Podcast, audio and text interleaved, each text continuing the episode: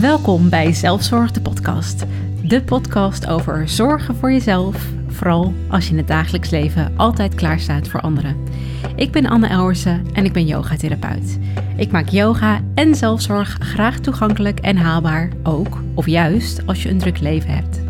In deze podcast vind je zelfzorginspiratie, praktische tips en oefeningen die je meteen kunt toepassen.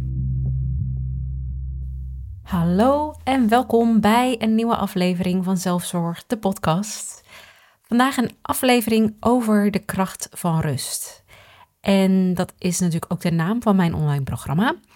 Maar dat is niet, uh, niet of niet alleen eigenlijk waar ik het over ga hebben. Dus het is geen uh, verkooppraatje per se voor mijn online programma. Ik zal er wel aan het einde iets meer over delen. Maar in deze aflevering wil ik jullie eigenlijk meenemen in vijf redenen waarom rust nou zo belangrijk is. En ja, waarom vijf? Nou, ik kan er waarschijnlijk ook wel vijftien noemen. Maar uh, ik denk dat dit wel de vijf belangrijkste redenen zijn om rust te nemen. Rust in te bouwen in jouw dag, in jouw leven.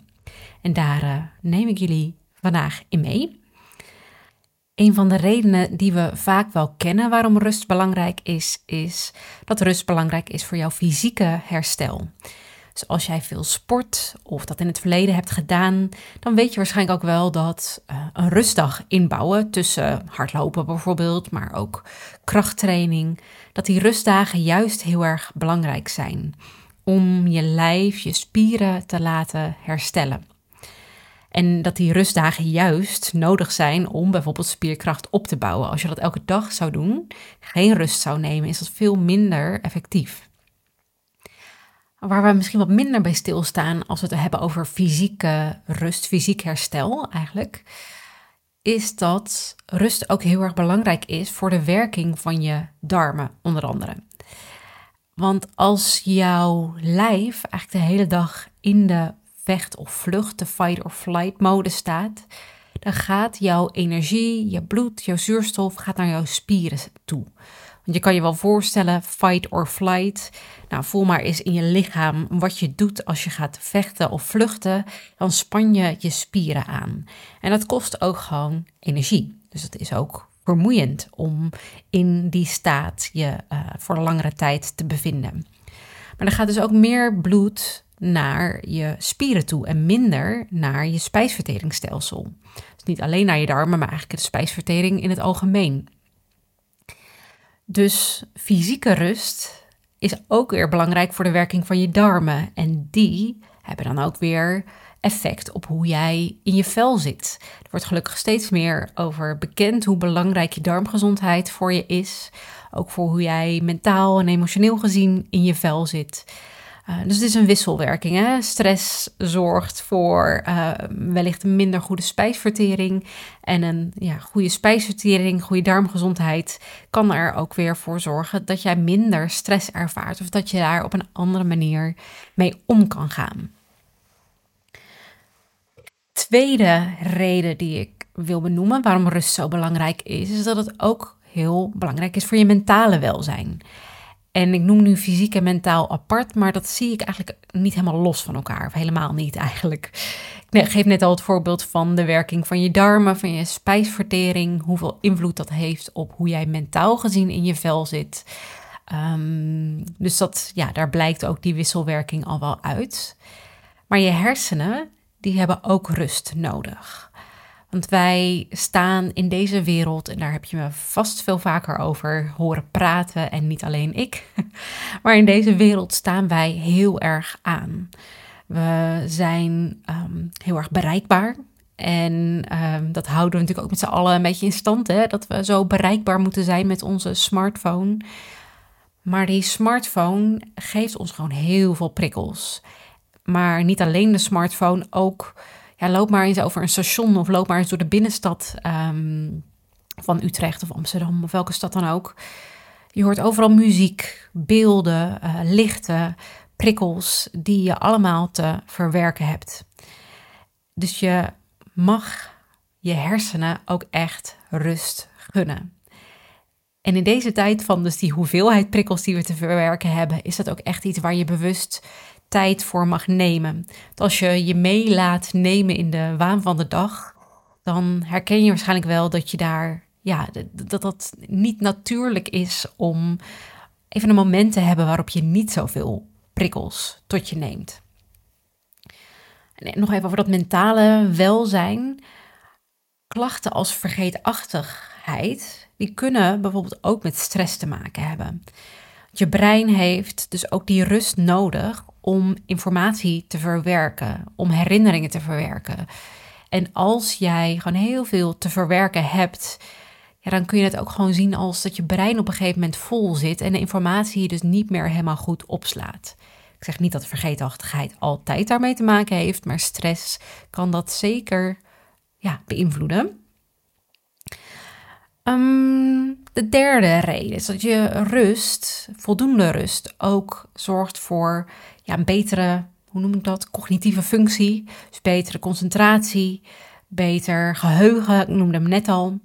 Ehm, maar ook beter problemen op kunnen lussen. Op, kunnen lussen? op kunnen, kunnen lossen. Ik weet niet waarom ik daar zoveel moeite mee heb uh, vanochtend. Op kunnen lossen. Ehm, misschien is mijn brein niet zo uitgerust vandaag. Want ja, wat ik wilde zeggen is dat een, ja, een uitgerust brein dat functioneert gewoon ook veel efficiënter en kan ook beter omgaan met de uitdagingen die we allemaal in ons dagelijks leven wel op ons pad krijgen. En ik weet dat veel luisteraars van deze podcast zelf ook uh, ja, werkzaam zijn in de zorgsector, welzijnssector, hulpverlening. En dan herken je waarschijnlijk wel dat je eigenlijk nooit weet wat de dag gaat brengen. Je weet nooit hoe een cliënt of een bewoner uh, bij jou binnenkomt lopen. En als jij dus met heel veel spanning zo'n gesprek ingaat, dan voel je waarschijnlijk ook dat je daar dus niet de ruimte hebt om er volledig voor iemand te zijn en in te kunnen spelen op dat waar diegene mee binnen komt lopen. En ga jij heel uitgerust een gesprek in, dan, ja, dan voel jij wel die ruimte. En kan je veel beter ook aanvoelen en inspelen op dat wat diegene meeneemt die dag.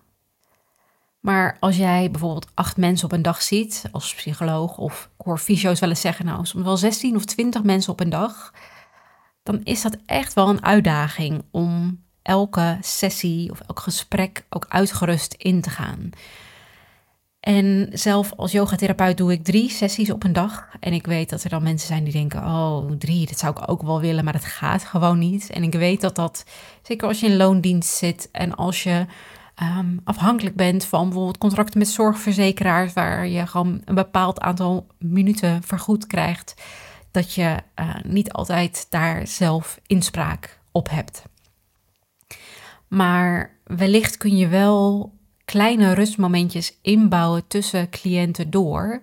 Om zo bewust het ene gesprek af te sluiten en eigenlijk met een frisse blik weer een sessie opnieuw te beginnen. Om even een voorbeeld te noemen. Ehm, een tijdje geleden was er iemand bij mij uh, in mijn yogatherapiepraktijk. En die was gevallen, van de trap gevallen en die had overal pijn. En daar hebben we in de sessie natuurlijk ook op ingespeeld met de bewegingen veel zachter gehouden. Um, om, en haar lichaam zat eigenlijk helemaal ook vol spanning na die val. Um, dus zijn we ja, daar ook mee aan de slag gegaan om die spanning te ontladen en vooral ook uit te rusten. En door omstandigheden uh, stond bijna de volgende cliënt al voor de deur. Um, toen ik dus met deze vrouw had afgerond.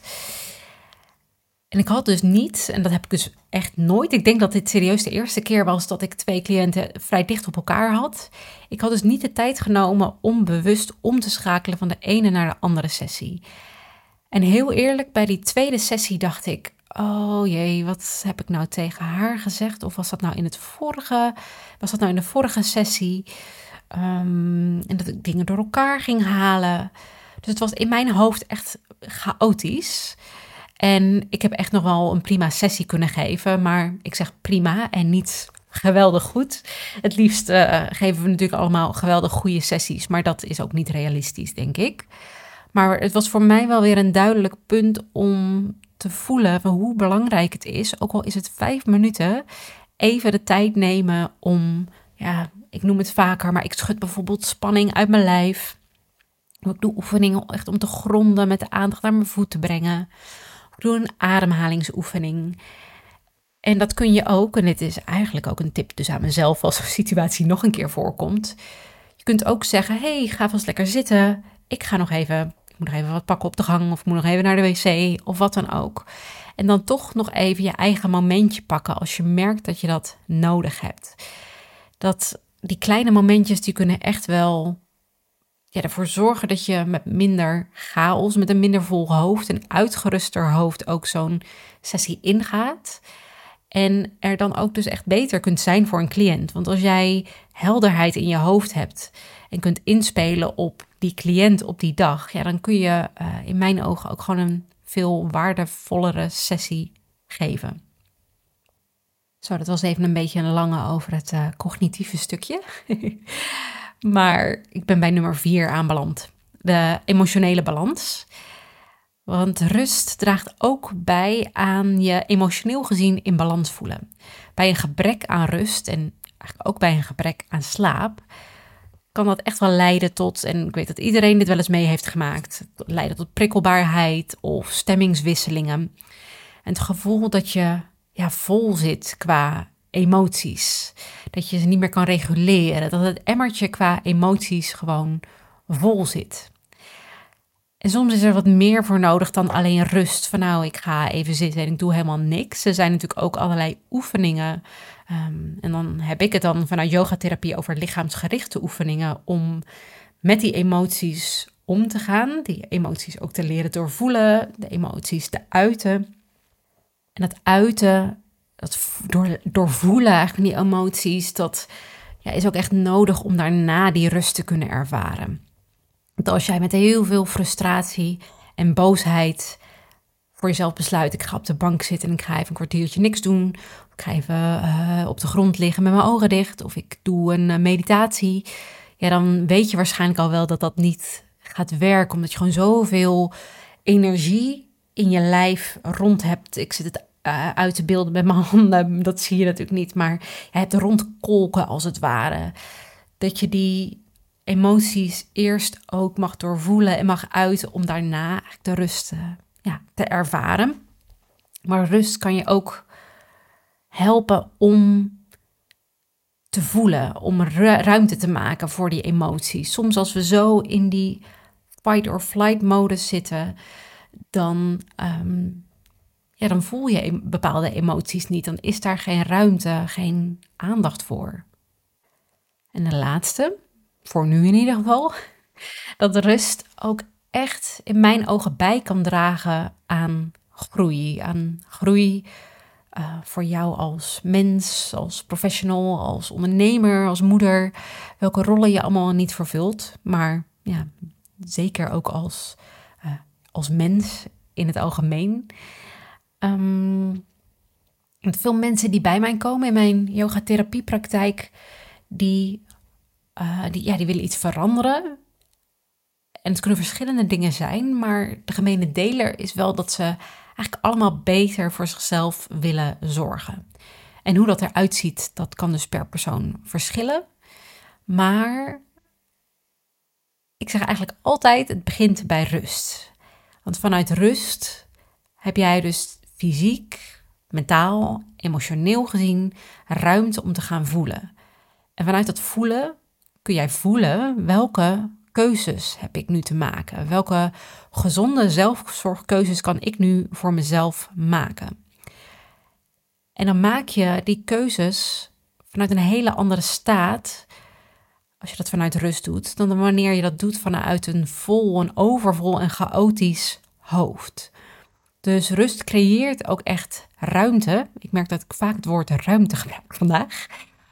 Maar ja, in het Engels noemen ze het ook wel headspace, ja, om vooruit te kunnen kijken. Wat wil ik en wie ben ik en wat heb ik te doen om daar op die plek te komen? Dus rust kan ook ruimte creëren voor duurzame groei in plaats van ja, op korte termijn van die afvinklijstjes die meer ja, voor buitenaf bedoeld zijn, als je snapt wat ik bedoel. Terwijl je als je vanuit rust en vanuit voelen uh, dat gaat doen, dan ga je het echt vanuit jezelf doen. En voel je ook echt de intrinsieke motivatie om voor jezelf te gaan zorgen. Misschien even een praktisch voorbeeld.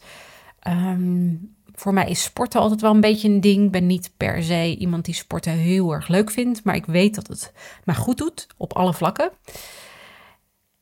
En eerder heb ik dat heel erg gedaan vanuit een moedje. Ik moet sporten, want dat is gezond.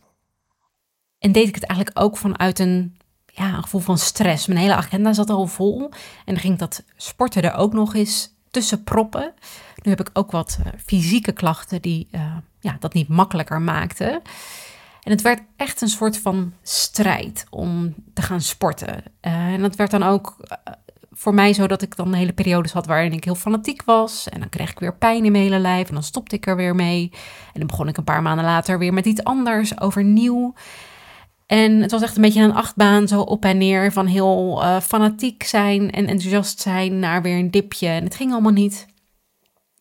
Terwijl, als ik erop terugkijk, was het ook echt een periode waarin ik op allerlei vlakken veel meer stress ervaarde. Onder andere ook in mijn onderneming. En nu ik veel meer rust ervaar, merk ik dat ik het sporten ook weer vanuit rust heb opgepakt. Ik ben gewoon begonnen met één keer in de week. Niet meteen mezelf verplichten om drie keer in de week te gaan, maar één keer in de week gaan. En dat gewoon eens twee, drie maanden doen. En van daaruit dan het weer verder opbouwen. En nu voel ik ook heel duidelijk, omdat ik beter in contact sta met mijn lijf, voel ik veel beter wat het voor me doet. Ik voel dat als ik ochtends vroeg ben gaan sporten, dat ik die dag gewoon ja, meer energie heb. Dat ik me goed kan focussen op mijn werk. Dus het heeft niet alleen uh, ja, een positief effect op mijn gezondheid, op mijn lichaam, maar ook op. Nou, ik kan ook wel zeggen dat het effect heeft op hoe ik uh, ja, mij ontwikkel als ondernemer. Maar die keuze om dat op die manier zo op te bouwen, die heb ik wel gemaakt vanuit rust. Dus het was voor mij nodig om eerst echt even stapjes terug te doen, rust te ervaren en vertrouwen ook weer in mezelf te ervaren en van daaruit het te gaan opbouwen. Om even terug te komen op mensen ook die ik zie in mijn praktijk. Ik zie heel veel mensen die in hun werk of soms ook thuis, eh, of allebei, altijd klaarstaan voor anderen en zichzelf daarin nogal vergeten. En dat is voor mij ook de reden geweest om te beginnen met mijn programma, mijn online programma De Kracht van Rust. En het groepsprogramma dat start binnenkort weer op 5 februari. En wat we daarin dus gaan doen is in een groep gaan we oefenen, gaan we leren om rustmomenten in te bouwen. En we doorlopen 10 modules.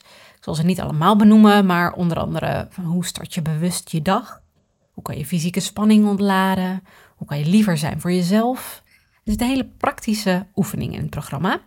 Maar die uh, doorlopen we dus uh, op 10 maandagochtenden uh, hebben we live sessies. En die live sessies kan je ook later terugkijken. Dus je kan ook later instromen eventueel. Of als je denkt maandagochtend half acht, wat een ontzettende rottijd Anne. Hoe kom je daar nou toch bij? Ik weet dat dat niet voor iedereen de handigste tijd is. Maar dat geldt er ook voor als we het later op de ochtend doen. Dus terugkijken is altijd mogelijk.